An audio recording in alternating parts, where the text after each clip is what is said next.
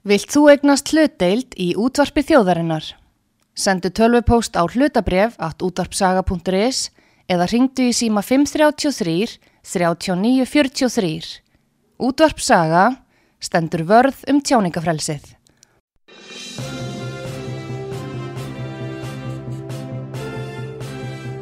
Þú ert að hlusta á frettir virkunar á útvarpi sögu.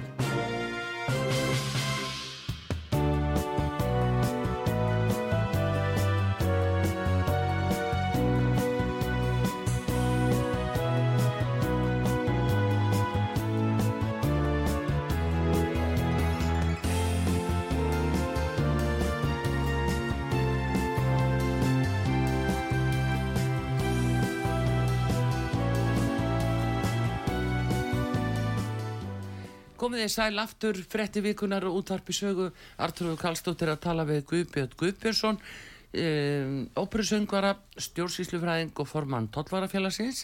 Já, það er alveg rétt. Við vorum að skrifa undir samning. Við vorum svona svolítnir útlagar í þessu, þessum samningu því að önnur félög, stjættafélög, BSB voru eiginlega búin að ganga frá samningum og Já, við ákvæmum að býða aðeins og við hefðum nú ekki mikið út úr því en samt eitthvað pínu svona bara einhverja, einhverja bókanir. Við, um mál sem eru okkur kær. Það, þá erum við líka erum við búin að ræða svona undirbúa haustið betur, þá við töldum það betur og ég held að það hefði verið skinsamlegt eftir áhyggja.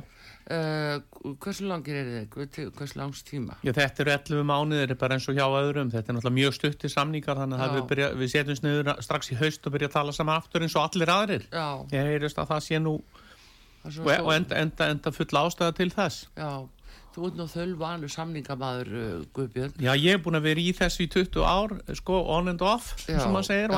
Já, Þannig ég er búin að, já, þetta er, þetta er, þetta er, já, þetta er hann svolítið tími, svolítið no- nokkri samningar. já, til BSRB. Já, sem Já. sagt, já, sem sagt, bæði þar og svo náttúrulega fyrir mitt félag. Mm En uh, eru þið ánægir með uh, hvernig til tókst? Ánæðir ekki ánæðir ég held að, að það sé svona flestir óanæðir núna sko með náttúrulega bara hvernig ástandið er og þannig að ég held nú að og, og ég held að það sé voðalega erfitt að sættast eh, alla í, í svona ástandi ef ég vera hreinskilin. Já, er náttúrulega núna ef við lítum aðeins á efnaðasmálin Guðbjörn að þá er ekki hægt að líta fram í því að það kom nú eins og skellur á marga að uh, stýrivesti skildu hakka svona mikið núna. Og þetta þýðir að verðbólgan fyrir tvekja staða tölu og mm, var þetta eitthvað sem kom fyrir óvart? Já, svolítið, að hún skildi vera svona há. Ég átti vonu kannski hálfu til einu prósti. Mm. ekki 1,25 ég hérna verið að segja það, það, það komið svolítið óvart en, og sérstaklega ljósið þess að, að, að, að, verðbólgan enn nú að lækka. Já, hún lækkaði aðeins núna já, já, uh, samkvæmt nýjustu tölum. Já, en, en í sjálfu sér sko held ég nú að verðbólgan þetta er nú að svipuðu róli og, og er út í Evrópu sko. Þetta er ekkit mikill munur dó náttúrulega aðeins meira því að það ætti nú að vera kannski betra hjá okkur út af bara orkuverðinu. orkuverðu nú annað, Já. já það er náttúrulega hægt að tikka einn stert inn núna því að orkan hefur verið að lækka aftur í Já. Evrópu Já, það er að segja gasið hefur er, er, er að færst aftur tilbaka og olíverði líka en í sjálfu sér svona var þetta svolítið tímabundin svona skvetta Mhm. og, og ég held satt best að segja að það sé nú þannig og, en við erum náttúrulega með svolítið öðruvísi verðbólku heldur það bæði ferðarþjónustan og svo náttúrulega líka fiskeldið og það hefur fiskast ágætlega verið gott fiskverð. En, en aðalega náttúrulega ferðarþjónustan og þannig er bara almennt gott gengi í, í efnaðarsmálunum og, og enganislan er, er, er, er góð sem maður myndi nú halda að væri ekkit slæmt í, í sjálfu sér þó segðalabankin vilja lemja hana niður. Það sýnir að fólk hefur það ágætt. Já.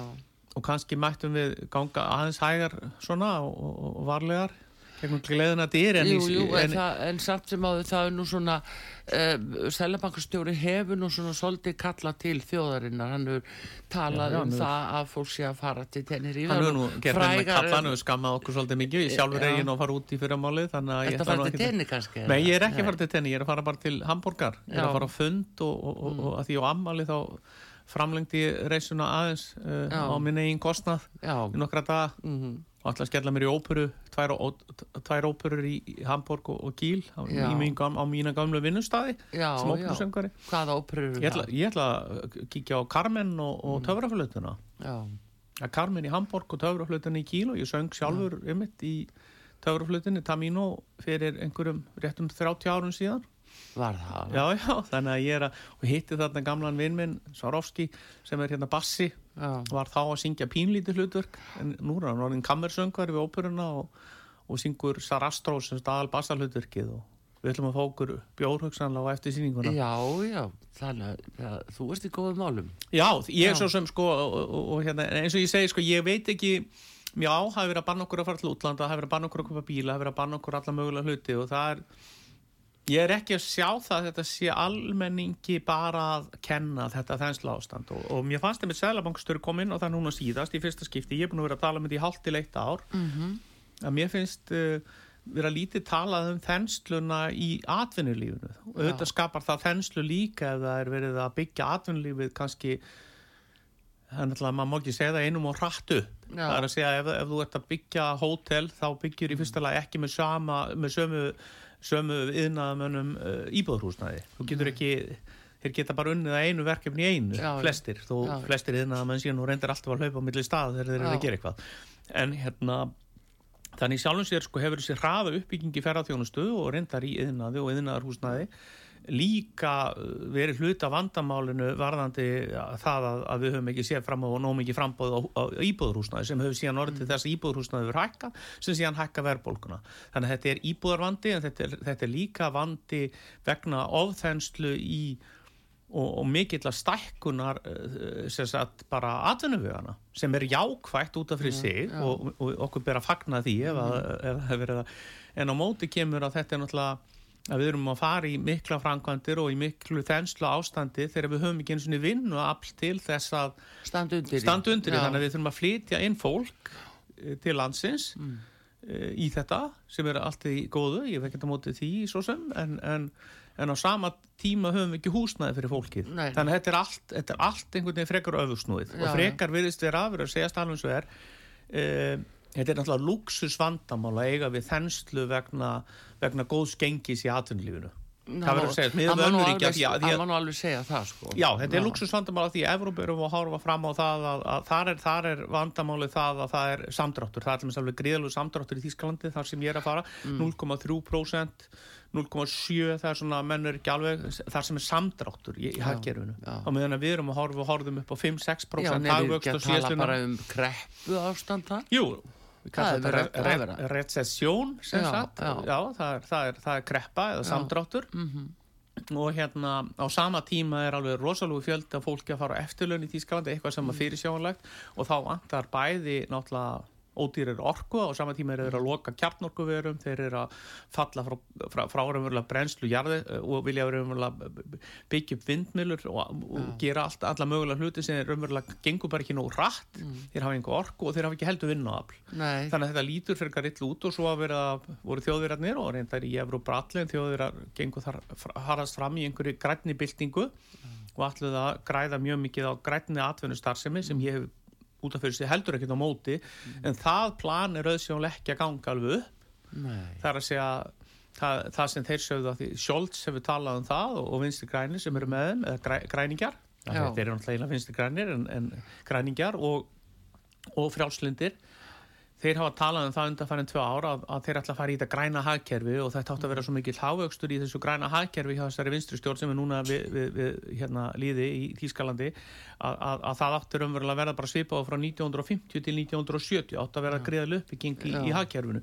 Það hefur ekki ræst og það er enga líkur og það rætist á næstu árum með það sem maður er að sjá. Það er, það er frekar að hag, hagkerfi sé að minka Já. þannig allir þessi draumar, allir þessi pípudraumar vinstrimanna og, og um, um ægilegt búm eitthvað, eitthvað ægilega uppbyggingu samfara einhverjum grænni, grænni, græn, græn hagvöxtur eitthvað það er ekki að ganga eftir ég vona það gangi eftir því við þurfum svo sannlega á því að halda náttúrun og umhverfið þarf á því að halda en það er efnahagslega er þetta auðsjáðanlega ekki sjálfbært og efnahagslega er þetta dæmi sem þeir og það sem þeir byggðu upp á er ekki að ganga upp Nei, það er bara slæmt ef að gengur illa í Þýskalandi. Já, það er náttúrulega- Það er svo mikið, eh, sko, Já. grunnu ríki, gagvat bara allir Evrópu. Já. En hérna, uh, við eigum okkar aðalveg skipti við Evrópu þannig að það skiptir greiðalegu máli að gangi vel í Evrópu já, en segir mér hérna, uh, þeir lokuðu kjarnarku verið. Já, þeir loka, hafa verið að loka og eru bara að loka öllum kjarnorkuverum. Já. Það, það er stefnanir En tekið er það ekki raung ákvörðu hjá þeim? Má ekki segja það Ég tel það nú vera. Ég, að því að er, eh, þeir eru að kaupa síðan kjarnorkubæði frá Svíþjóð, frakkar eru að byggja kjarnorkuver, mm. svíjar eru að byggja uh, kjarnorkuver, finnar voru já, já. stórt kjarnorkuver, þannig sjálfs þeir eru síðan þjóðir eru að kaupa kjarnorku frá næstu nágrannalöndunum, svolítið skrítið og svo, svo halda er að, að, að það að loka einhver í Þýskalandi muni hafa einhver svakalega áhrif bæði ef eitthvað, ef eitthvað gerist eh, þá mun náttúrulega munu kjarnorkuverin í hinulöndunum líka menga út frá sér og, það, og mengunin stoppar ekkit við landamæri frekar en, en, en CO2 mengunin. Já. að þeir eru nú alltaf að tala um það að þetta, þeir þurfa að minka uh, hérna koltvísiringslosununa að því að uh, koltvísiringsmengunin sto, lo- stoppa ekki við landamærin og sé, sé þjó, alþjóðlegt vandamál heimsins. Það sama náttúrulega við um kjarnorku vandamálið ef, að- ef að kjarnorkan brest eða, eða ef það verður einhver, einhvers konar slist þá, þá stoppar það ekkit við Fraklands landamæri Fraklands og Þýskalands eða, eða, eða, eða, eða í, í Eistrasaltinu Nei, nei, nei, en hérna það er líka uh, umtalsverðu skaði, eh, bara sýnilegu skaði sem að þjóðveri að verða fyrir út að Nord Stream 2 uh, leislama sprengdu. Það er, það er mikið tjón fyrir það. Þeir treystu á þessa orku frá Rúslandi. Já, það var náttúrulega svolítið sérstakt á sama tíma og, og það var samþygt hér til dæmis að, að, minka viðskipti við rúsa gríðarlega mikið út af krímsstríðinu. Á sama tíma eru þjóðfyrir að gera staðstu samninga sínum gas já, já, frá rússum. Þeir heldu áfrans þess að sínum viðskiptum og bættu frekar í heldur en að minka bæði, þeir seldu meira yðnaðafurinn þangað Já, og keftu síðan á móti af þeim bæði olju og gas. Já, þannig að það náttúrulega þarna fór ekki hljóð og mynd alveg saman hjá þjóðurum þeir voru að kröðust þessu sem þetta öðrum að þeir minkuðu viðskipti sín við rússa og settu, að, vildu aðra þjóður í viðskiptabannunum sama tíma og voru þjóðverið sjálfur Já, að auka já. viðskipti Ég við veit rússa, svolítið er svo og þessi þjóðir sem- tvískinningur er oft og nú þekki ég vel til Ískalandi ég kom að það eru Já, það eru 35 ár síðan ég fór fyrst aðná, var það í 12 ár og mjög sterka tengingu við landið. Það er svolítið tvískinningur í þeirra samskiptum við, við, við rússa. Já, þannig að fjölmargir rússar búsettir í eh, Þýskalandi. Já, já, mörgundur þúsund. og, já, en það náttúrulega með þetta viðskiptabann að nú er það hefur það kannski ekki skilað tilalluðum árangri og það kannski hefur nú, hefur nú Íslandingar staðið frammi fyrir við fundum mikið fyrir þessu uh, Já, tíma, e, e, fyrst, fyrst, fyrstu eitt, tvö já, árunum við vorum já. að finna ný lönd til eiga viðskipti við, en í sjálfur sem voru nú rússa viðskiptin ekkit svakalega um, umsviðsmikil hér, voru Já, ákveðin fyrirtæki. Já, sérstaklega, og svo já. fiskin alltaf leitar, fisk, fi- fiski, þessast, hvað maður kalla þetta, sem satt eh, fyrirtæki sem við bjóðum maril, fyr- fyr- fyrirtæki já. sem voru að selja vinslulínur já. í, í skip og annað. Og auðvitað er það slæmt, því að auðvitað hefði við viljað byggja þetta áfram upp, þessam, og samskiptum við rússa, en að mínu mati er náttúrulega ég er mjög harður andstæðingur rússa í þessu bæði var þetta krímskan og síðan Já. tíma og fekk, var nú gaggreindu mikið fyrir það og svo núna í Ukrænistrun, þannig ég er mjög harður NATO maður og, og skil Já, já. og, og hef og stið, stið þessa stefnu NATO og, og, og, og Úkrænu vegna þess að reynir ás að rússa í, í, í landið. Já, já, en hérna aðeins aftur að, að þessum málum hér heima, Mhm. Guðbjörn, að, að því að nú, sem ég segi, Sælabankastjóri hefur nú sendt tónið til almennings, en hann hefur líka gert það gagvart ríkistjóðinni. Já, og fyrirtækjunum núna líka, Já, það er og það þarf að skera meira niður hjá ríkinu Já, já. og það finnur svona hrollurinn suma til þessum um það. Það gengur eitthvað hægt. Það er auðvitað líka verið að brula hjá ríkinu. Já, ég veit það nú ekki allavega, ég vinn nú hjá stóri rí- þú sem er ríkistarfsmaður. Já, já, ég er að vinna hjá skattinum og við höfum nú ekki vaksið neitt, við höfum, við, við höfum frekar minka hjá okkur starfsmannindin, allavega í tollum og ég held hjá skattinum líka, við erum færri, við erum örgulega 5-10% færri heldur en við vorum fyrir 2-3 árum, Mhm. þannig að ég veit ekki hjá minni stofnun, við höfum ekki verið, en hins vegar hefur náttúrulega gríðulegu vöxtur í stjórnaráðinu sjálf, Já, já. hjá auðarrikistráðundinu það sem var 30-40% aukning á starfsmennum á nokkrum árum, Já, og, og víðar hjá, í, í, í stjórnaræðinu og svo e, náttúrulega út af öllum þessum, öllum þessum nýju áhersluatröðum hjá, hjá vinstri grænum, það er að segja alls konar umhverfar, hverfis já, eftirlitsinnaður sjá, og, já, bara loftlags eh, Já, og- og- málin já. og, og, fjármunir sem fara þangað Já, ég held að það sé nú stóðst en ég held að þetta sé nú ekki, sko, ég er nú búin að skoða tölur aftur að baka áfram varandi mm. þessa fjölkun uh, ríkistarfsmanna sem á að hafa átt sér stað og ég, við gerum það líka á vettvangi BSB Já, og BOM og um það uh, hafa verið ritaðar ágætis greinar bæði af Friðriki, formannu BHM og Sonju hjá okkur, hjá BSB Já, Já, sko starfsmannafjöldi ríkisins hefur ekki aukist mei, neitt meira heldur en bara sem eh, sama hlutfallur um og, og landsmenn hafa aukist. Það segir sér náttúrulega sjálft að þegar landsmenn, landsmennu fjölgar þá þarf að ráða náttúrulega fleira fólk á spítalana, það þarf að auka í uh, kennslu. Já, meira ála á leikskólum leikskólum allstað, þannig sjálfsög að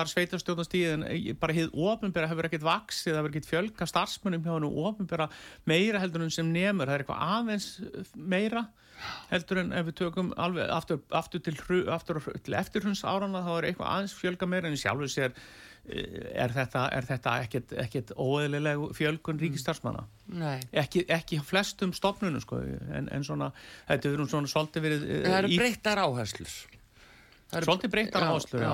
já. En það hefur náttúrulega verið kallað eftir því og, og við vitum það allir að þjóðin er að eldast mjög hratt Mm. og þess vegna er ekki skrítið að, að, og við þurfum fleira fólki í heilbriðisjónustuna. Þannig sjálfum sér, uh, já, má búast við því að þar munu aukast enn starfsmannafjöldin á næstunni. Mhm. En ég held að við þurfum líka að horfa á heilbriðisjónustuna og, og ég sé að, að, að, að nýr heilbriðisráþurra uh, ég er byrjaður að, að semja um, um aðgerðir á, á enga klíningum og, og, og, og mér líst mjög vel á það. Já, að reyna að auka afkostin, byggðlistana Já, þannig já. sjálfstur erum við komnir á einhverja vegferð þar sem að Svandís vildi ekki og vinstri græn. Nei, nei. Þannig sjálfstur uh, fagna ég því En það er náttúrulega bara mjög mikilvægt. Já. Þetta er líka spurning um atvinnufrelsi. En ég held að við sé, sé, umræða sér svolítið á villigötum, við þurfum að horfa heilstætt að þetta. Og mér heyrðist einmitt seðalabankstjóri vera að tala um það að það þyrft að minka þeinsluna á öllum sviðum. Hjá al, almenningur þyrfti eitthvað að skrúa saman sem gerir sjálfkrafa núna þegar vextiðan hækka og, og verla hækkar þá höfum við minna á milli handana þannig við eigðum minna. Og svo hins vegar þyrftu fyrirtækin líka. Já, já. þannig að það, fyrirtækin getur líka stilt álagningu sín, sinni í hóf. Bankarnir líka, tryggingafélögin líka vestlunin, heildvestlunin og smávestlunin gæti um, þyrftir umverulega að horfa í, í, í hérna, eigin baram og spurja hvort að, hvort, að, hvort að þessi mikla hagnaður sem hefur verið því við erum að sjá menn eru áskrifundur af við, viðskiptablaðin eins og ég og skoða innherja hér og, og annað er að skoða aðra svona upplýsingar þá er náttúrulega erum við að sjá að það er gríðalúr hagnaður af, af vestlun og, og, og heildvestlun og, og einni af böngunum tryggingafélögum annars stáður og, það er spurning hvort að þessi félög þyrfti ekki aðeins að stilla sig líka eins og almenningur ef allir, ef það verður sameigilegt átak Þetta bara Þetta almennings- gerist aftur og aftur, það er farið í vasa almennings. Já, það er líka en ríki sem þyrftum- fór undan það- ef. Guðbjörn, núna um áramótin, þá fór það að hækka ímisgjöld.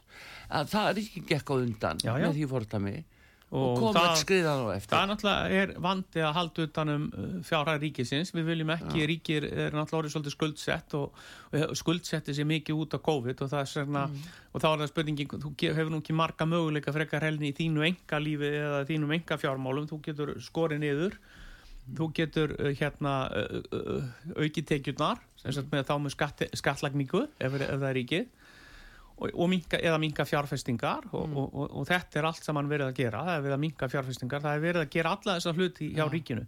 Svo spurning bara hvað að gera mikið. Mikið af því sem ríkið er að gera er lögbundið, það er að segja heilbriðisjónusta, kennsla þetta er sem mentakerfi, heilbriðiskerfi Löggæsla. löggæsla, Já. þetta er 80-90% af útgjöldum ríkisins eru nokkuð stíf, það er erfitt og þessi 10-20% sem eftir standa þó skerir aðeins niður í menningamálum eða einhver staðar í einhverju pínlíti utanríkismálum, þetta eru svo litla tölur í sjálfu sér, þetta eru margir málaflokkar. Skerir það aðeins niður til uh, skóraktinni eða Já. eitthvað aðeins í sam, samgöngumálum þá verða allir brjálaðir, ég líka því þá, þá tef, tefst, tefjast allar öll, öll vegalagning og annað. Þannig að ég held að það sé best náttúrulega að auka tekjurnar og það er það sem mun gerast núna í sömar alveg klárlega og þessu ári. Það jukust náttúrulega tekjurnar gríðalega á síðastlun ári með 5, 6% hagvexti Já, já. En nú er og til það, mun verða hagvextur á þessu ári líka þannig að tekjurnar mun aukast og það Mm. er best fyrir alla að auka tekjurnar Já, já. það er, besti, það er besta leðin til að ná jöfnuð í ríkisfjármálum Nákvæmlega, en það búist við eh, sko, ykkur miljónum ferðamanna. já, tveimur, tveimur og hálfri það, það er, Uh, þetta verður erfitt ég, ég segi það bara alveg svo er að því það er bara ekki til fyrsta lagi nú mikið fólk þá vantar uh, rútur, þá vantar bílalegu bíla já, ég veit ekki hvort það vantar svo mikið gistingu lengur, ég held að við séum nú búin að byggja svolítið mikið á hótelum, þannig að það munum sennilega ganga mestuleiti eftir en, en, en ég tengi svona aðeins inn í þetta því ég fer alltaf svona tværferður á ári sem gæt og hef mína tengi Já. svona liðin í þetta. En auðvitað er það bara ágætt að mörgu leiti þó ég verð að segja að, að, að ferðarþjónustunni náttúrulega verður líka að það verður að stýra henni líka eins og, eins og öðru. Það er náttúrulega þýðir ekki að hafa þetta allt stjórnlaust Mm. bara stjórnlausan vöxt því að það er hluta þenslunni er þessi stjórnlausi vöxtur í ferðarþjónustunni en líki í fiskirækt og öðru það þarf, við þurfum einhvern veginn og svo þurfum við líka að skoða bara það hvort, að það, hvort við ætlum að veðja alfarið á þessa láglaunabransa. Ég er búin að tala um þetta í tvö ár líklas núna menn erum byrjað að tala um þetta núna annar staðar eða fleiri en ég og nokkur aðri sérvitringar ég verið að tala um það að, að sko, við erum fókusera svolítið mikið á ferðarþjónustuna og Já. fiskeldu ann og þetta eru ekki hálönu störf og, og þetta er ekki störf fyrir unga Íslendinga sem eru þetta, þetta er meira störf fyrir fólk sem við erum að flytja inn til landsins. Já, já, og unga fólkið okkar hins vegar annarkvæmt flytja til útlanda eða, eða er að sinna störfum sem það er ekki menta til og, og ég held að við þurfum og það er verið að gera það vissulega, þessi ríkistjórn sem er núna við völd hún er að reyna að færa sig áttina til í hálunastörf í tækniðinaðin og annað. En mér finnst þetta ganga svolítið hægt ég verð að segja alveg svo er já, já. Það er hægt. líka spurningum yfir sín og skipulagningu. Já, og mér finnst það já, vantar svolítið. Ég já. get alveg verið sammála stjórnarandstöðunni hvað það var þar að mér finnst þetta ganga svolítið hægt og mér finnst þessi ríkistjórn sem núna er við völd, hún, hún er náttúrulega, hún er, þetta eru tveir flokkar sem kannski ná ágætla saman, framsókn og sjálfstæðarflokkurinn, en það er ekki hægt að horfa til annars en, en Vafki er náttúrulega svolítið erf, það er erfið samin að milli þessara póla sjálfstæðarflokkurins Já, og Vafki drafbítur þó, þó það fa- Já. fari vel á með Já, Bjarna já. og Katrínu sko, Jú, sé, maður sér það þetta er, þau eru, þau eru En það er nú fleiri samt í flokknum en þau, tvö, sko. Já, en þessir fórustu menn náttúrulega, Já. já, já, já, já, vissulega. Og ég, við sjáum það í útlendingamálunum og víðar að það er erfitt að ná sátt. Já, já, já. Og við sjáum það líka, ætlum eins að það gengur núna þegar komið framsóknumæður í heilbyrðisráðundi, þá er allt í henni farið að vinna meira svona þeirri línu sem að ég held að alltíðuflokkur, nei fyrir ekki, samfélkingin, sjálfstæðisflokkurinn og framsókn getur unnið saman. Já. Og þar hefði ég séð náttúrulega miklu meiri möguleika hjá, hjá þessum svona liberal Mm. að ég held að það sé miklu vænlegra að við séum með ríkistjórn sem, að, sem er aðeins samstæðari, sem er aðeins sem Já. getur unni kannski, að því þá komum við hugsanlega einhver í verk, við höfum ekki komið nein, sko, jú, við höfum komið ímsi í verk á síðislega sex árum. Já, það hefur verið kista, er alveg óbóðslega kista. hægt. Já, þetta hefur verið mikið kyrsta já, maður verið meira sem ég sem sjálfstæðismadur Já. ég er nú sjálfstæðismadur, Já. ég verið að viðkynna það Já, þú ert finnst ekki þetta- farin úr flóknum. Nei, nei, nei, ég var nú alltaf í floknum í mjög lenga tíma og svo hætti ég nokkur ára og fór í viðreist og er búin að, vera hvað Mm. tíminu er svo fljótur að líða. Já, og hérna, en ég minna það er samt sem á, það er samt pínlegt, menn eru auðvitað með sinn stjórnarsáttmála, en eh, að sjáðu bara eins og sjálfstæðisflokkin, eftirgjöf á ymsu sviðum, á kostna stefnunar, bara í ljósi þessa að það vera að taka tillit til vinsti grætna sem Já. dæmi, að þá eru þið náttúrulega farnir að gefa rosalega ranga mynda því hverju þeir eru. já, já, þeir Þetta er ekkit gott þetta- fyrir Nei, nei. flokkin. Nei, nei. og það hefur, mínum mati hefur sjálfstæðisflokkurinn gefið allt og mikið eftir og ég get ekki séð að, að, að vinstri græn hafi gefið mikið eftir. Þeir hafa Nei. fengið allt í gegn. Það er að koma einhverjir 5.000 flóttamenn Já, já, á ári, Já, núna búin að koma árun saman þannig að þeir hafa fengið það í gegn. Já, sín, sína já. þeir hafa fengið sína grænu stefnu í gegn Mm það hefur ekki verið virkjað það hefur ekki verið það er ekki, verið virkjað það hefur engin orkuframlösla þeir hafa ekki eins og verið hægt að leggja Nei, jafnvel skortur. jafnvel orku skortur Já. og líka varðandi orku uh, línulagningu eða Já. sem sagt orku virki tengivirki og annað, Já. það hefur ekki verið hægt að koma því í kring Þetta er allt stöðnun. þetta er allt stöðnun, já, Já. og líka bara samgöngur er í lamassessi, það hefur ekki verið hægt að fá það í gegn heldur þannig að það hefur verið aukið þó nokkuð samneislan sem er vinstri grænt baráttum mál að Já. auka uh, ríkisútgjöld Já. Þannig sjálfur sér hafa vinstri grænir eiginlega fengið allt í gegn og meðan að hægri menn eða sjálfstæðismenn hafa, hafa ekki komið neini gegn. Nei, Já, ég sé það ekki, ég sé Nei, ekki er, sjálfstæðisflokkurinn flokkurinn er að líða fyrir þetta núna í könnunum. Já, mér sýnist það. það er ekki spurning og framsóknirinni líka, skilur. Já, já, þeir eru konin í Ah, 10% en þeirra kjarnafylgi er nú svona, kjarnafylgi er svona 9-12%. Jú, Þeir fengur jú. 17% síðast, þeir eru nú segir svona rétt fyrir kostningar, þeir hafa alltaf verið það eins Já, þú já, veist. já, já, er Þessi ekki bara best 57 að kjósa Já, framsókn. já, og ég held að það sé, þú notar ekki þann frasa tvisvar. Nei, þetta, það, þetta er ekki svona eitthvað þeir nota hann bara einu sinni, hann er núna þeir notuðu hann síðast, er ekki best að kjósa nota, það mun enginn segja er ekki best að kjósa framsókn aftur Nei. þegar það gerist ekkert, nei, það er ekki að fara að gerast og það er ekki að fara að gerast í borginni heldur. Allir ekki best að kjósa, allir að vera ekki samfélkingi sem nota þetta, allir ekki best að kjósa samfélkinguna Já, það er sýnist að hún sé svona það er alltaf einhver flokkur sem að eh, notar eitthvað svipaðan frasa Mm. allir ekki best að kjósa bara Kristrúnu. Mér sýnist hún vera þar. Já, þjóðin er auðvitað að hugsa já, ég held að sé bara skást að kjósa Kristrún. Ég treysti henni svolítið, hún er, hún er Já. áræðanleg hún er, hún er virðist vera heiðarleg. Uh, hún er nýbúna, svona og svona nýbúna að bann, hún, hún, er, hún er hugguleg Já. og hún kemur mjög vel fyrir vel og mjög, mjög rökföst og hún er svona gamaldags sósialdemokrati Já, hún er ekki mjög langt í vinstri auðsjónlega, en það kemur hún úr því baklandi úr fjárfestingabanka. Já. og hún hefur vita á fjármálum. Hún er svona, hún er ölluleiti mjög trúverðu frambjóðandi, en maður er sósialdemokrati Já, eða, eða er hún mig mælst mjög vel fyrir Já, og, já. og hérna verður náttúrulega bara gaman er að sjá vinstri maður, er hvernig, ekki- reynist, eh, hvernig hún mun reynast. Já, ég væri vinstri maður, uh, þá myndi ég kjósa hana alveg hyggstalaust, ekki, ekki Vafgi og ekki Pírata.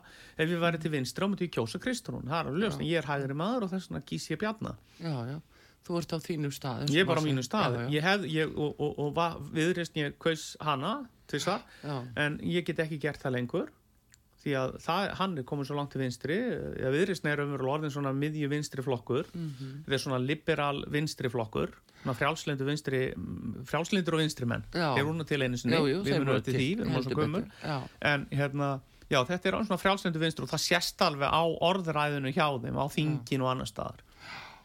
Já, er já, það er, um, finnst þér svona, uh, finnst þér Guðbjörn að horfir yfir flokkana núna að það sé svona farið að koma einhver byrtingamind af því hverju minnum starfa saman í næstu hún Já, mér sýnist nú, menn er alltaf að tala um að hún sé að tala um vinstri stjórnum Kristrún, mér finnst hún raunverulega í viðtalinu sem var haft við hann í morgunblæðinu, mm. lasta tvísvar Nú, Já. lastu það tvisvar? Já, ég lasta tvísvar til þess að reyna að fatta eða svona sjá nákvæmlega hvað hún var að segja og þá Mm. fannst mér nú segja að það kæmi ekki til greina að vinna með sjálfstæðarflokknum ef hann væri með þá stefnu sem hann er með núna. Já, en hvaða stefn er þá það? Skilur af því að Já, sjálfstæðarflokkurinn hefur, væntanlega- hann hefur farið svo mikið af leið Já. við hvaða stefn er hún að miða? Ég veit það ekki, Þa, það, það var nefnilega gott að vita það en ég er Já. nú ekki vissum að sjálfstæðismenn alltaf fara að láta Kristrúnu eh, skilgreina fyrir sig stefnuna þannig að Nei. ég á nú ekki vona á að þetta hitti kannski mikið í mark í valhöll hérna sem er nú bara rétt hjá ég veist um að þau séu að reyna núna að búa til einhverja stefnu sem, sem þóknast hérna Kristrúnu en í sjálfstöðar er stefnu leysið svolítið mikið hjá sjálfstæðisflokknum ég er búin að tala um það í nokkuð, já, í nokkuð tíma og það var nú ástæðan fyrir hversin ég fóru líku flokknum, ég fannst sko vera svona svolítið óskýr stefnan og ég vil ekki fá þessa ég vil ekki fá þessa frjálsíkjustefnu þó ég vil ég að flokkurinn sé frjálslindur að einhverju leiti, ég vil að hann sé markasflokkur, markasíkju kapitalískur flokkur með, en ég vil svona horfa svolítið til rótana bara 1929, ég vil horfa til uh, Ólafs Tórs, ég vil auðvitað þetta annað þjóðfélag sem við erum með núna en þá. Jú, jú, en samt sem áður, já. það var stjætt með stjætt, það var svona ákveðin mm. sko, það, það, mér sýnist í eh, sko, okkar pólitík núna er svolítið lík því sem var frá 1930 til 1960 þessi stjættabarátta það er polarisering, það er verið að reyna að, að brjóta þjóðin upp í marga hópa. Sjálfstæðisflokkurinn frá stopnun 1929 tók aldrei þátt í þessu. Og þetta stjætt með stjætt var umverulega bara til, eh, til þess að, að reyna bend og það að stjættir getur unnið saman. vinstri flokkarnir og, og framsókn var svo vinstri sinnar á þessum tíma hann tók undir þetta. Þeir vildu stjættabartu, þeir töluðu sérstaklega fyrir stjættabartu ég held að við ættum að tala fyrir sátt á milli stjætta mikið meira, við ættum að tala fyrir samvinnu, sátt á milli stjætta fólk getur unnið saman og, og, og, og það er þannig sem við náum árangri. Þessi, þessi, þessi, þessi þetta stríð á milli fylkinga í þjóðfélaginu sem við erum að horfa upp á núna það skilar engum neinu. Og ég er ekki að segja þetta sé bara vinstri mönnum að kenna því að hægri kapitalistarnir, þeir sem eiga þetta er svo kallar 1% eða hvort það er 1 eða 2 eða 3% ég veit ekki það fólk er líka talar þannig. ég, við getum sjáum þetta hjá samtökum atvinnureikanda, þeir tala svoleiðis við verkalýsfórustuna Mm. og þeir tala svoleiðis við almenning í landinu. Og mjög Sæðlabankin hafa líka tala svoleiðis við almenning í landinu Mm. að það er ekkit skrítið þó að þjóðin sé polariseruð og sé, sé, henni sé, hún, það sé búið að skipta henni upp í nokkra fylkingar, það er ekkit skrítið. Það er tala þannig til þjóðurinnar í stað en við ættum að að tala fólkið saman og það er það sem Kristrún var að gera. Ef, ef þú lest þetta tvisar, þetta blað, þú ættir að lesa það aftur þetta- að lesa að það aftur, því Já. hún er að tala um þetta Já. og ég held að þetta sé bara, ég held að fólk sé hrifið að þessu, hún er að tala um, hún saði, í staðan fyrir það að, að við í samfélkingunum höfum verið að reyna að skipta þjóðun upp í grúpur, það er að segja við höfum verið að skipta því upp í, upp í samkynheiða og trans og svo gamalt fólk og ungt fólk og og, og hérna og, og, og, batnafólk Já, og svo, já. en, en, en hún segir nýja samfélkingin sem hún vil ta tala fyrir, hún segir þetta beint í Já. hún segir við viljum bara tala til fólks sem fólks, ekki sem marga grúpur heldur til ákveðina þjóðfélags bara hópa og þetta er það sem Ólafur Tórskerði Já, já. hann neitaði að láta tala að hann neitaði og, og, og sjálfstæðisflokkurinn á þeim tíma talaði bara til stórs hluta þjóðurinnar þess vegna var hann með 30-40% Já, já. og jáfnvel upp í næstu í 50% Já, og var heill í því og var líka. heill í því að Já, tala því það, og þarna tóku líka atvinnurreikundur aðrir mm. Ólafur Tórs var alveg sérstaklega ég meina Kveldúlfur og, og pappans. Jensen Tóri Jensen. Já.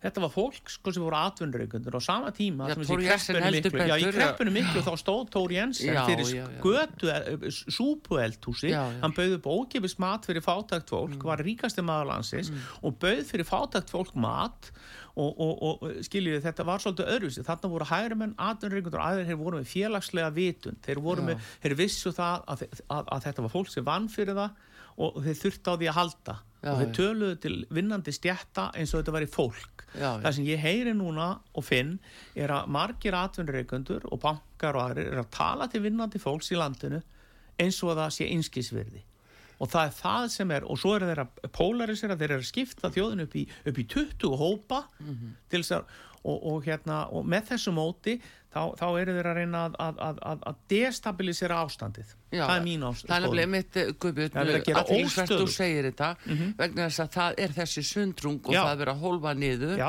svo að útskúfa og þá að tala já, þá að hata. Það er verið að kenna fólki að hata þá að taka fyrir ákveðna einstaklinga eða hópa og þá að hata þá. Og þetta er bara kennsla Og við ættum að tala, við ættum að vera allt verið svo. Þetta hefur hugsanlega eitthvað að gera líka með það hvernig, hvernig kirkjan hefur verið fjarlægð Já, já, úr skólunum og úr allur okkar menningu. Því að ki- kirkjan er ekkit annað en kærleikur. Akkur- og Guð er kærleikur og snýst já. alveg um það. Fyrirgefning og kærleik og aðra fallega Já, akkurat. Og, og, og, og ég segi bara alveg svo er við þurfum meira umburðandi, við þurfum meira kjærleik við þurfum meira samvinnu, Mm. við þurfum að standa betur saman og við þurfum öll að bæta okkur í orðræðinni hvernig við Já. tölum hvort til annars. Já, já, og það er það sem ég er að sjá hjá Kristrún sem er að bera, sem er að bera mikinn árangur hjá henni. Það er þessi 26 eða 8% sem hún er með. Hún talar vel til fólks og hún meira stella pólitískra andstæðinga sinna talar hún að virðingu. En ég vil segja það líka, Bjarni Benediktsson minn formaður, Já. hann hefur alla tíð verið kurteis já, já. hann er alla tíð talað vel til fólks, það er ekki ástæðulegs að hann er í samvinnu núna með Katrínu og framsóknarflokknum. Þetta fólk umgengst hvað annað, kurteis Já, já, en hvað finnst þér samt eins og það Guðbjörn, að að spyrja á hann við fyrir að fá mölsingar Já. sko að talandi um þetta hvernig vera hólfa fólk niður og, og raunverulega sundutæta þjóðfélagi Já. það má segja það. Já, það- það má segja það svona, það er líka verið að segja þið eigið bara hafa þessa skoðun og enga aðra. Það er verið að reyna að þrengja tjálkafrælsinu já. sama ber hatursorðaði frumvarp Já, já, og þessi- og þessi, námski sem á að fara að senda Já, mig sem ofinbæra starfsmann á til að ég læri, fái, læri rétt að skoðanir. Já, ég er að segja það. Og þetta er ekkit annað heldur en við horfum upp á í Sovjetinu eða í kommunismu eða nazismu það. eða fasismu eða annars þar. þetta er nákvæmlega sama aðferðafræði og líka í bandaríkjónum á tímum uh, hérna uh, tímum hérna kaldastriðsins Já, þegar, Hollywood, uh, semst menn sem voru vinstri sinnaðir í Hollywood voru ekki einu sem sósialistar eða kommunistar, bara fólk sem var demokratar jáfnvel eitthvað. Aðeins til vinstri pólitíku var bannað úr kvikmyndaheiminum og annað. McCarthyismin já, já, já akkurat. Og þetta er alveg saman þannig að þetta hefur gerst já, þetta hefur gerst er alls algjörlega snúist við núna aftur á móti. Já, en það er, ég veit ekki, er þetta eitthvað, öðru, er þetta eitthvað öðruvísi en McCarthyismin? Þetta er annar, önnur tegund. Þetta er Í bara önnur tegund. Þetta er nákvæmlega sama, þetta er nákvæmlega sama eins, nákvæmlega eins og þetta hefur alltaf verið Mm. það er einhver, allra, einhver öll sem ná einhvern veginn undirtökunum Mm. og, og, og eru síðan að kúa aðra Já, Um en það það, er það sem er verið að gera hér. Já, og stefna alveg já. að fá að kúa almenning. Þessin er svo sláandi ef að ráðamenn segja það að almenningur í landinu vinnandi fólk hafi alltaf há laun eða Já, að, hárrétt. að þeir séu að eyða of miklu. Það er bara, hva, byrju, þetta kemur fyrst og hvað svo? En það er ekki talað til, það er ekki talað til þeirra sem er alltaf sífælt að hækka og er að sína einhver, einhver heilsölu fyrirtæki sem er að skila 2 miljardar afgangi, einhverju bankar sem er að skila sko, ég veit ekki hvað miklu, 60-100 miljardar afgangi, byrjaði bara á aðstu ráðamennum og skoða launaselna þar. veistu, ég var leiður á þessu, ég nenn ekki að fara í þennan populisma ég fer ekki þetta líka er að að. Bjarni Ben sem er 1,8 miljónir ef hann var að stjórna fjölskyldu fyrirtækjanum væri með 5 miljónir við erum að tala um þessi stóru fyrirtæki sem eru núna er með 7 miljónir, 17 miljónir á mánuði. Þessi ráþar er ekkit ofaldnir sem vinna frá klukkan 8 á mótnana til 10 á kvöldin. Þessi laun sem þeir er ég að er þreyttur á já, þessu. Þingmenn með 12-14 er að vera með eins og öryrkja Nei. þeir eru að vera eins og með sömu sömu veistu þetta er bara rugg og þetta, þetta, þú, ert, þú ert sjálfa að gera því sekund þetta. Nú ætla ég, nei, Já, ég er bara ekki sammálaður þetta er engin, þegar, þegar meðalaun í landinu eru 900.000 og fjármálar á það er með 1800.000, það er ekki ofurlaun. Meðalögin í Guðbjörn, sko, það er líka fjöldin allur sem er með talsett minna handa í Já, já. milli.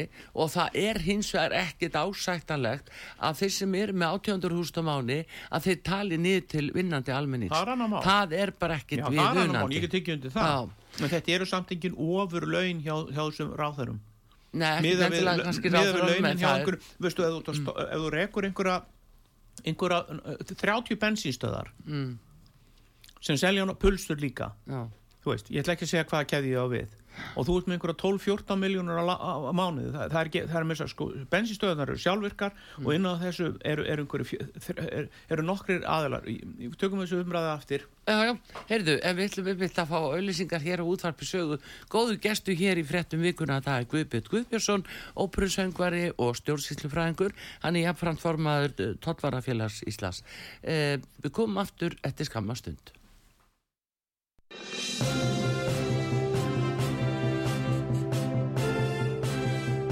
Þú ert að hlusta á fréttir vikunar á útvarpi sögu.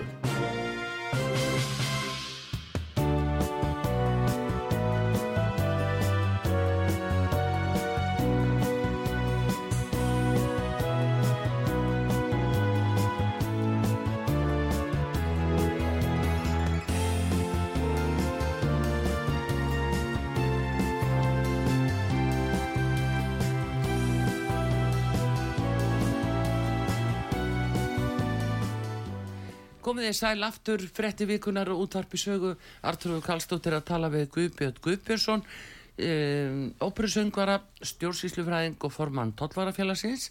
Guðbjörn, þú, við vorum nú að tala um pólitíkina og þú vorst að tala um uh, hérna, uh, sjálfstæðisflokkin og, og uh, ríkistjórnina í rauninni, þetta samstarf þessara flokka og bara hvernig þetta lítur út núna. Er við... Finnst þér svona ríkistjórnin vera á réttri leið ef svo má segja? Er þetta trúverðugt? Það er verið að tala um sko þá að fjölga svo mikið eh, hérna íbúðum þá að byggja svo mikið þá að gera svo margt þá að alltaf verða miklu betra. Uh, við svona sem munum tíman að tvenna í, í svona lofurðum að getum við trúa þessu? Nei, eiginlega ekki því að þau eru búin að vera í sex ár. Mm. Og þeim hefur ekki tekist að leysa neitt vanda þessari ágættu ríkistjórn það verður bara að segja stafnum svo er Mm. þessi íbúðavandin er búin að blasa við í 8 ár eða eitthvað. Sennilega, 6-8 ár. Og það hefur gengið mjög hægt. En á móti kemur náttúrulega það að atvinnulífið hefur náttúrulega verið mjög duglegt að flytja inn fólk. Mm. Síðan höfum við COVID og, og fleiri vandamál og stríði núna annað. Þannig að þetta hefur nú fengið alveg sinns skamta vandamálum. Já. en ég verð að segja það alveg eins og er að það er ekkert skrítið þó þjóðin treysti ekki þessari eh, samsetningu þessi, ég, er ekki, ekki að tala um flokkana. Nei, nei. Ég er að tala um þessi ríkistjórn og samsetning er ekki að fara aftur í ríkistjórn ég held að það sé alveg ljóst. Já, er, ég, ég, bara, ég tel það útilokað já, ef þú myndir, lá- láta mig veða, þá myndir ég segja svona, svona 95% líkur á að það verði önnur samsetning, flokkarsamsetning í næstu ríkistjórn.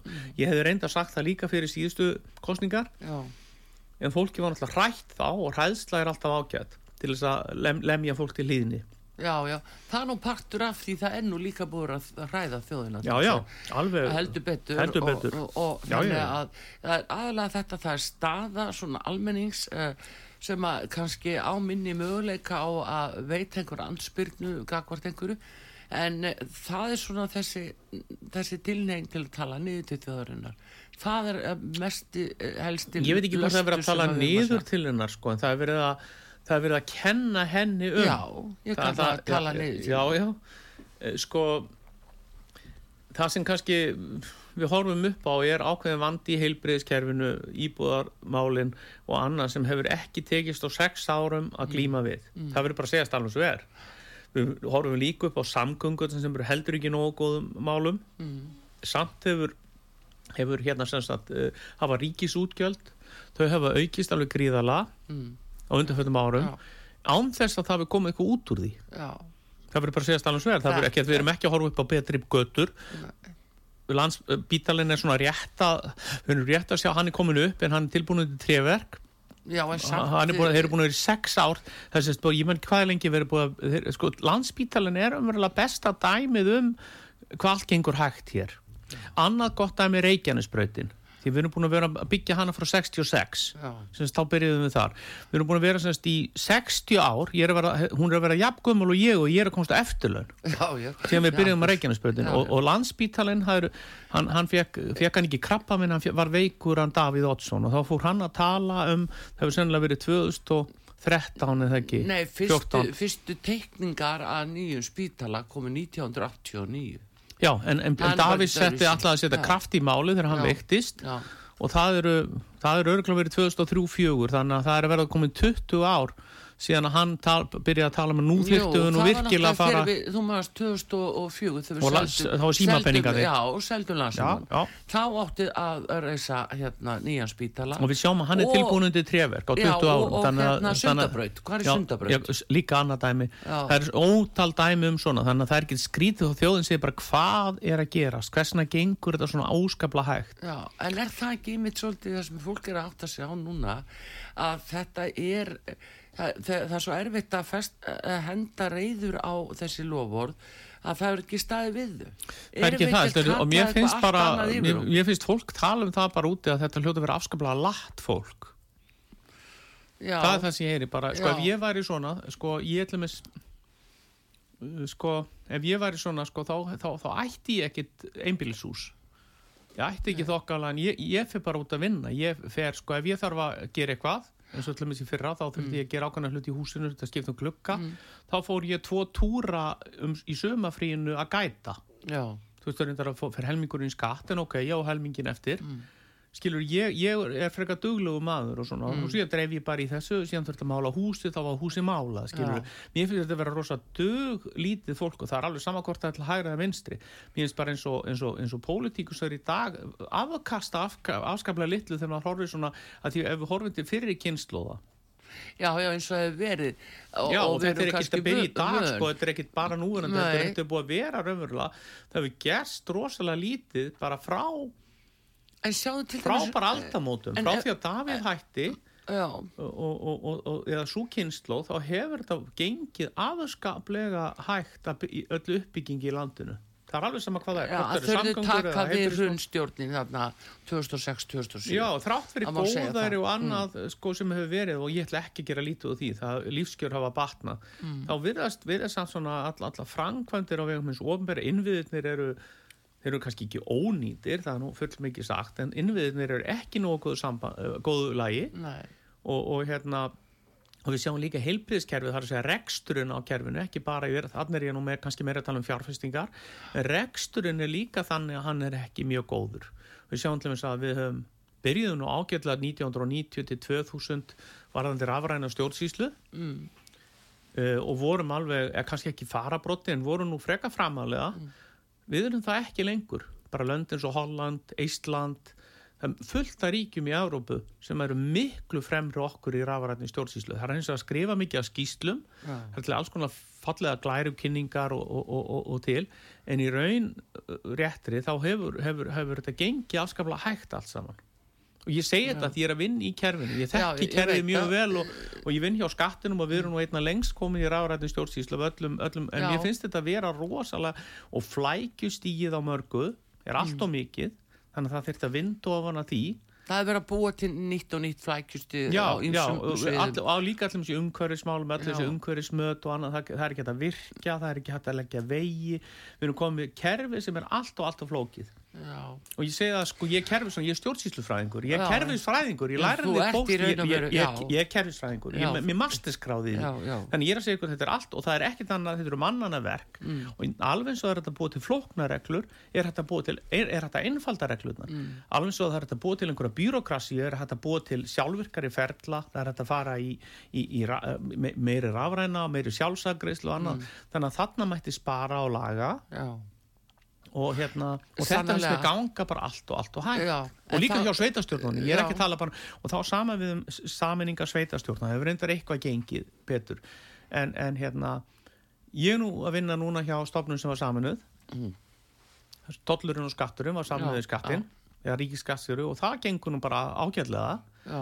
ég veit ekki hvað mikill sparnar það sem það er alveg klárlega þannig hjá okkur í skattinu núna og tóttgæslan er hluti á bara að við vinnum betur saman. Við vinnum, já, já, það er meiri skilvirkni, við vinnum betur saman. Við erum að, við erum, og, og þetta er að verða ágætlega samstiltur hópur núna. Tók náttúrulega 2-3 ára að vinna í því. COVID var nú ekki til að laga það. En við þurfum að skoða meiri hugsanlega saminningar við þurfum að skoða að auka skilvirkni hjá ríkinu, Mm. bæði út frá út frá sagt bara rafrætnistjórnsíslu en einnig bara að samina stofnunum að breyta því auðvitað bara breytist umhverfið og þá breytist við með Já. Við þurfum líka að skoða rekstur ríkisins og þarna á ég til dæmis fyrir heilbriðskerfi sem maður mætti öruglega stóru, ekki stórum hluta en að hluta til. Ég, ég til dæmis alltaf tala fyrir því að hafa góðan landsbítala, vel fungerandi, vel starfandi, virkan landsbítala en sumt af því sem landsbítalan er að gera, alls konar aðgerðir og annað, mætti á nokkur svafa framkvæma fyrir miklu, miklu minni pening út í bæ Já. eins og við verðum byrjað að gera núna eins og framsóknarflokkurinn er núna að vinna í það er verið að gera samningavandi liðskipta aðgerðir og annað en þetta gildi líka um hjáveitu aðgerður fullt af hlutum sem er hægt að gera e, e, bara ambulant út í bæ. Og þetta var gert hjá Dómus Medica í gamla dag, þetta er ekki, við erum ekki að finna upp hjóli Nei, í þessum nei, efnum. nei, og eins náttúrulega eins og, eins og, eins og fórista og, og, framkvæmtastjórn landsbílunum er bent á allir eins og ellimálin Þú veist, við erum með, með fleiri hundru mannsinn á landsbítalunum gamalt fólk sem þetta er raunverulega aðlýningu við verðum öll eldri og vaflust eftir að enda þarna Já. líka eftir 20 ára, 10 Í ára þannig- dýrustu uh, úrraðum. Já, í dýrustu úrraðunum, þannig að það er svo, það virðist vera eins og að takja opbóðslega langan tíma að koma hlutunum í verk. Já, já. En Það, það er talað um þetta árun saman, það er skipaði starfsópar, það er búinir til einhver, síðan er kom einhverja skýslur, einhverja greiningar en það er aldrei neitt gert og það er þess vegna þjóðinni finnst þessi stjórnmálamenn vera að vera latir. Þeim finnst þeir vera seinir, latir e, það, þeim verður voða lítið úr verki. Það er það sem þjóðin hugsar. En fólk náttúrulega horfi líka til stjórnaranstöðun er að treysta því að stjórnaranstæðan haldi svolítið gangverkinu gangandi ekki Já, satt. hún er aðalega bara að pöngast í einhverjum ráþærum sem vilja taka útlendingamálunum eða gera eitthvað, sko hún hefur engan áhuga á svona málum svona alvöru málum sem snúa að því að, að minga byðlista eða eitthvað. Eh, ég hef ekki séð þess að stjórnaranstöðu gera nokkurt skapaðan hluta viti síðust yfir sex ár hafa þeir komið eitthvað einhverju ert alveg harður á því. Já, já, þeir hafa ekki komið neina uppbyggilega gaggríni, ekki einu sem hún Kristrún er umverulega að segja hvað hún vill gera hún segir bara að þetta sé allt ómögulegt Já. það er Já, allir að segja þetta sé ómögulegt á, á sama tíma, þeir segja allir, þeir segja sko þegar á að skera niður hjá ríkinu en á sama tíma vilja þeir auka ríkisútgjöld Já, þeir er eru alltaf í mótsöku við Já, en þetta er mér spurningin um það, Guðbjörn, að menn hafi eitthvað fram að færa. Ég, það verðist ekki vera, það verðist korki stjórnar andstaðan eða ríkistjórnum verðist hafa einhverja lausnir fram að færa og þá segi ég og ég, þá hlýtu þjóðin að auglýsa eftir fólki með hugmyndur um hver, hva, hvernig mætti gera hlutina betur. Já. Það er það sem þjóðin auglýsir eftir. Eh, Þú talar um Fyrir að- minni pening, að við, við viljum gera meira fyrir minni pening. Já. Það er það sem við viljum raunverulega gera. Við viljum fá betri þjónustu, við viljum ekki hækka skattana. Þeir eru, ég vinn nú hjá skattinum. Guð almáttu við veit að við greiðum nóg í skatta. Við getum ekki greitt meir í skatta, þannig að við þurfum að fá meir út úr skattpenningnum. Fyrirtækin þyrftu líka hagraða þau hafa verið að gera. Við sjáum það í ferðarþjónustunum, þar hafa verið saminningar, þar hefur verið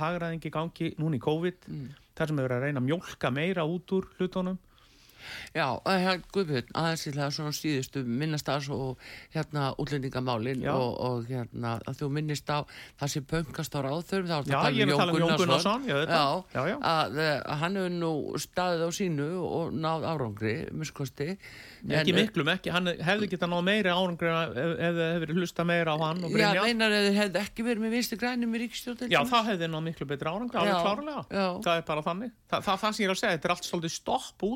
grænum Já. það er alveg sem að hvort það er virkjanir, útlendingamál það er, alveg, það er verið að pöngast í honum Bjarnar Ben endalaust Mm. líka Já, stanslusar árásir, það minnir maður svolítið á Óla, Óla, hérna, Óla Tórs og Kveldúnsmálið Já, já. og eitthvað svolítið sko, þetta er svona sama aðferðafræð og komatnir hafa alltaf notað, vinstri menn, þeir hafa alltaf notað sömu, grimmu aðferðafræðina árásir á, á, á ákveðna menn. Alltaf að á persónlega persónlegar árásir Nýða skóin nýða skóin, fólki já, það er það sem þeir hafa alltaf því gert Já. og þeir eru góður í þessu og þjóðin kaupir þetta sjónlega Já, píratar eru, notnir, eru, eru, eru algjöri mestarar í þessu. Mm. það er allstað spilling, það er allstað eitthvað. Og um leið og einhver segir spilling ef einhver segir spilling í lögreglunni þá er við komum komin í einhvern útastátt einhver, ef einhver klára bara einhverja rítgerð skrifar einhverja litla rítgerð um eitthvað þá er við komum komin í einhvern útastátt og farin að tala um eh, fræntigli og annað Mm. skilur við erum svo uppþykkin af spillingu við erum svo uppþykkin Já. að allt sé ómögulegt Já. það er, svo, það er svo mikil aggressjón það er svo mikil bara árása gyrni og fólk verðist vera svo ginnkift og sérstaklega fjölmiðlarnir verðast vera svo ginnkiftir fyrir því að ráðast á alla það Já. má ekki eins og stjórna útlendingamálunum tlumis, Mm. en menn vilja einhver, ná einhverju stjórn á ástandi sem er algjörlega stjórnlaust, það geta allir verið samanlega það, Mm. eins og var þess að Venezuela búa sem er að koma hérna, held þessi 2500 komnir á þessu ári allavegna 2000 já. allavega 2000, já, já. og, og, og það, það er meira enn á síðastlun ári Mm. Sko þetta er meira enn í Úkrænu, það er stríð það er blóðugt stríð í gangi í Úkrænu og það eru þrjustar að fjórusunum fleira koma frá Venezuela sem já. heldur en frá uh, og líka þessi út- sækjum núna. Já, það, er- það er fleira koma úr sósialísku paradísinni sem, sem, sem, sem, sem uh, uh, sko, það er bara sem, sem sósialistar vilja sem Venezuela, það er fleira að koma þaðan heldur en úr stríðshrjáðalandinu Já, það segja, segja sig að þegar að svona það gerist þegar koma fjó, þrýsta fjórusunni fleiri frá, frá, frá stríð, eh, heldur hún stríðs þá er stjórn, ástandi stjórnlust Arn- en það, það, bara það alveg máli, klárt. en, en hins vegar Guðbjörna þá er það aðtilsvert að þeir sem eru að koma hingað og eru jafnvel eh, já, á, á bótum og mm kostnaríkisins, þeir eru að senda peninga heim til sín. Já, já. Þeir hafa efna á því af því að ríkið heldur þeim uppi. Já, ég meina síðan er þetta náttúrulega hvers hluta konar húsnæðis fyrirkomulag er vandamálin þetta? og allt þetta? er stór Og- og- Þetta er líka náttúrulega greiðilegt ála á heilbriðskerfið og mentakerfið Ég get alveg sagt það að ég sem bara Íslendingur Mm. ég er náttúrulega, það þekki allir og ég er að vinna sem kennari, ég er sem Mm. söngkennari og ég er náttúrulega eh, eh, fylgist með umræðinu svona á einhverjum kennaravef og svona Mm. Það er alveg gríðarlega vandamál í mentakerfinu út af þessum útlendingum sem eru að koma hinga Já, og það þorir bara enginn að tala um það af því þá ertu náttúrulega bara útrópaður og, og, og raunverulega bara, já, þá ertu sakaður um rasisma en það er alveg gríðarlega vandamál í skólakjörnum sem enginn þorir að tala um til dæmis í grunnskólanum, alveg rosalega vandamál. Já, já. Sem það, það er bara enginn sem þorir að getur talað um þetta og það verður og náttúrulega það er einmitt eitt, það má ekki segja sannleikanum sem mál. nei. og Það það, er það sem mörg- er svo ámælisvert að það skul ekki fá að, tala um þetta bara fullum þunga eins og nýru alþingi. Menn eru bara vændir um rasisma já. Og, og, hérna orðræðu hattur og annað e, ef þeir Ásmundu vinnu minn hefur Eh, verið það- bara í, í, í 6-8 ár hann er bara lagður í einelti. maður Já, já, það er rosalega þannig, þannig að þetta auðvitað næri ekki nokkur átt og fleiri já, já. nú Sigmundur Davíð eh, þeir hafa bara verið að benda á þetta en þá er þeir útrópað. Er von á því að og séu þetta er ekki vandræði. menn sem eru með einhver rasískumma Nei, nei, það er þetta er ekkert bara, svoleiðis, bara benda á staðreyndir. já, það er bara benda á Já. staðreyndir og ósk eftir umræðu um þessa hluti. Já. og það er ekki eins og nætt að og það hefur til skamstíma, er nú eitthvað að lagast núna það er ekki eins og nætt að fá tölfræði. Og ég veit ekki til þess að það hafi verið nein rannsókn gerðlemis eins og varðandi, varðandi grunnskólana, hvað, hvaða álægi kennarar og já, skólastjórnendur bara almennt inn í Já, bara- ekki bara í skólastofunni, þetta er líka skólastjórnendur. Já, já, þetta er gríðarlega, það er engin rannsókn sem, sem, sem gerð hefur verið um það svo ég veit til, ég var Nei. allavega ekki síðan það er mjög erfitt Guðbjörn að fá tölur um kostnað þetta er ekki bara kostnæð, þetta sný- lýsir sér líki álægi á kennar og skólastjórnendur. Já, bara ég meina heldin, sko, hver er helda kostnað við já. innflytjendur á, á hverju ári? já, já. Það er bara, úr að Í reyna að það- draga þá menn- tölu menn út nefna- með töngum. sko, það, sko menn nefna tölur allt frá 10 upp í 30 miljardar Já, þú sér að það, er, sko, það, það er þreföldun sko, það Já. er sumið sér að 30 og geta rögstu það og aðri setja sér 10 miljardar já, það er nú máli og þetta er náttúrulega gríðarlegi fjármunni sem er að fara í þetta, Já. gríðarlegi já, og ég náttúrulega frétti bara óhjákvæmilega bara í ljósi stöðuminnar uh, að ég náttúrulega nátengd og keflauguflugullega eðlilega já, já. þá frétti ég náttúrulega nákvæmar fréttir um það hvað, hversu margir að koma og hvernig, hvernig þetta er Já. en ég geti þetta ekki tjáð mig um það hér Nei, nei, ég veit það. Ber vinningu verið því, Guðbjörn, en hérna, núna ég ætla að, nú þurfum við að ljúka þessu og uh, tíminu líður svo hratt Já, en að tala við þig.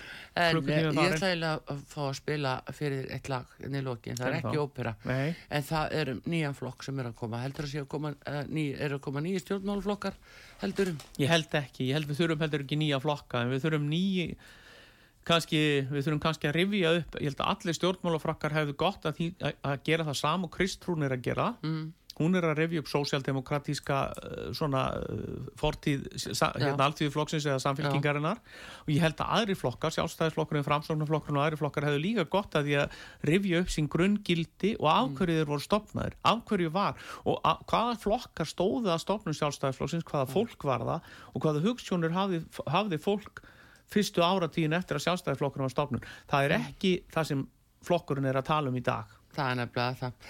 Guðbjörn, við verðum bara að láta þetta vera að loka orðinu. Ég ætla að spila neitt lag. Það er partíflokkur nefnilega sem að já. er að koma að hölfa. Föstu dagur í minni manneski. Já, segðu, partíflokkurinn, það er bakkalútur auðvitað. Já, já. En svona er þetta Guðbjörn Guðbjörnsson, óperusöngvari, stjórnsýslufræðingur og formaða tólvarafélagsins. Gestur hér á uh, útarpi sögu, Artrúð Kallstóttir þakkar honum og ykkur fyrir og hafa það sem allra bestum helgina. Takk nema að Bragi Reynisson í útsendingunni veriði sæl.